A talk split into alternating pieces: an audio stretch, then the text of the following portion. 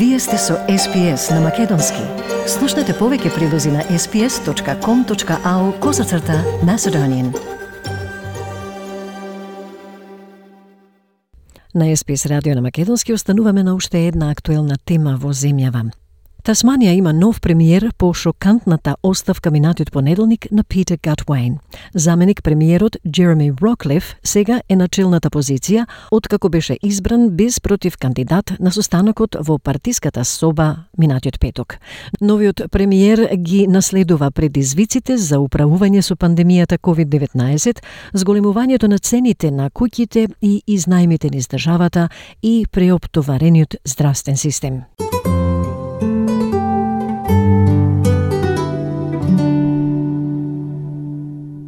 Оставката на тасманскиот премиер Питер Гатвейн минатата недела беше шокантна за многумина. Популарниот лидер кој беше избран дури во мај минатата година изјави дека е време да се повлече. Тој вели дека во текот на изминативе две години имало непредвидени предизвици поради COVID-19 и дека фокусот беше насочен кон обновата на економијата на Тасманија воедно и грижата на семејствата на сите други. The past two years have delivered unforeseen challenges as we've navigated through COVID-19 and focused on rebuilding a stronger Tasmania. During this time, I've quite rightly focused on everyone else's family. Uh, I now want to spend some time focusing on my own. Неговиот заменик, Джереми Роклиф, беше избран без против кандидат на состанокот на партијата на либералите во петокот на 8 април. Третиот премиер на Тасманија во исто толку години вели дека е почестен што е избран. Роклиф изјави дека неговиот план е да води влада со интегритет, ја сака Тасманија и го сака својот народ. It is my plan to lead a government uh, with integrity. I love Tasmania. I love our people, all Tasmanians. I was born here. Uh, I was bred here. I farmed land here. Господинот Роклиф прв пат се појави во парламентот во 2002 година, представувајќи го северозападниот електорат на Браден. Тој стана вице-премиер во 2014 година, а на новата функција ќе го задржи портфолиото за здравство и ментално здравје. Министерот за инфраструктура и транспорт Майкл Фергюсон ќе биде новиот вице-премиер на државата. Тој беше единствениот пратеник кој се номинираше за позицијата. Тој исто така ќе ја преземе улогата на државен благајник која му припаѓаше на Питер Гатвайн. Се очекуваше господинот Фергюсон да се соочи со дуел со генералниот обвинител Елис Ача за заменичката позиција. Но господјата Ача се повлече од трката. Фергюсон вети дека ќе води обедината партија и дека Джереми и тој се фокусирани на потребите на секојдневните жители на Тасманија. No matter how much progress that we make, there's always more to do. Jeremy and I are focused on the everyday needs of Tasmanians. We will keep our team working.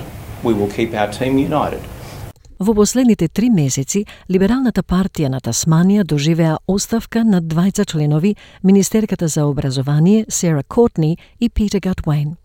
И парламентарната пратеничка Джейн Халет исто така поднесе оставка од незиниот кабинет.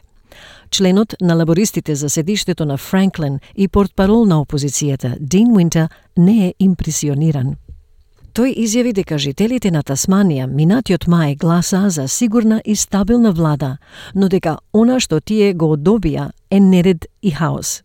Господинот Уинтер додава дека сега народот доби втор премиер во рок од една година и уште една реконструкција на кабинетот. Tasmanians voted last May for a secure government, for a stable government. And what they've been given is disarray of chaos, chaos We've now got a second Premier within a year.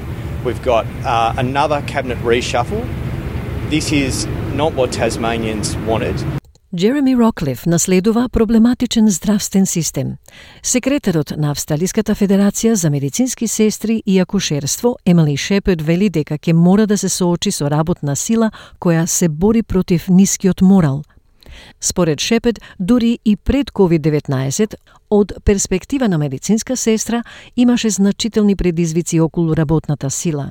Таа потенцираше дека и големиот број празни работни места доведоа до потешкоти во однос на дополнителни часа на работа, двојни смени и огромен замор кај професионалните медицински сестри и акушерки. Even prior to COVID 19, from a nursing and midwifery perspective, there were significant challenges around workforce uh, and certainly a number of vacancies that were, of course, leading to difficulties uh, in terms of um, overtime, double shifts, and um, enormous fatigue within the nursing and midwifery professions.